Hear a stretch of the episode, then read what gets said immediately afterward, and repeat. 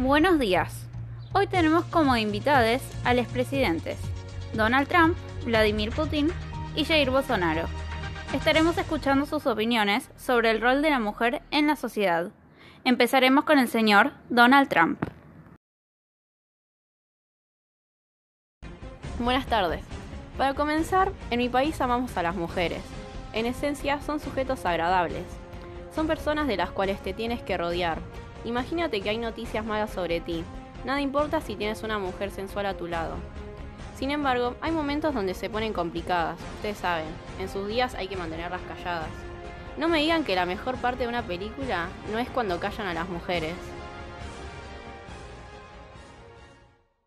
Seguimos con el señor Putin. Concuerdo con lo último dicho. Como hombre, no tengo días malos. No pretendo insultar a nadie, es solo la naturaleza de las cosas. Hay ciertos ciclos naturales. En mi país protegemos a las mujeres ya que son fuertes de nuestra propia vida. Ellas llenan este mundo con su belleza y energía vital. Sabemos que las mujeres necesitan el respaldo del hombre, así que haremos todo lo posible para que nuestras queridas mujeres sonrían más. Muchas gracias. Señor Bolsonaro, su turno. Buenos días. Tengo cinco hijos. Cuatro fueron hombres. Y Dios, en el quinto, me dio una debilidad, una mujer. Sin embargo, creo que son nuestra fuente de vida y deben encargarse de la maternidad más que nada.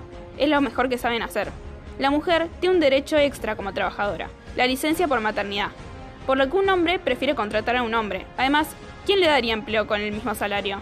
No es cuestión de colocar cupos de mujeres. Si poner mujeres porque sí, van a tener que contratar negros también.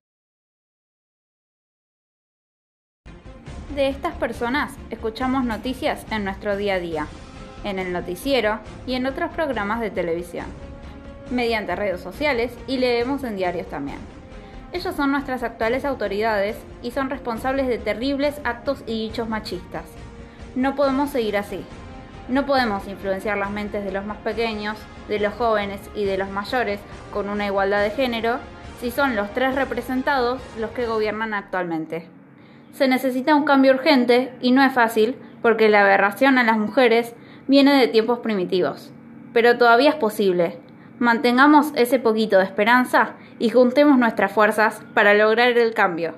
La igualdad de género va a ser un hecho real, va a existir y ninguna mente retrógrada se va a imponer entre nosotras. Muchas gracias.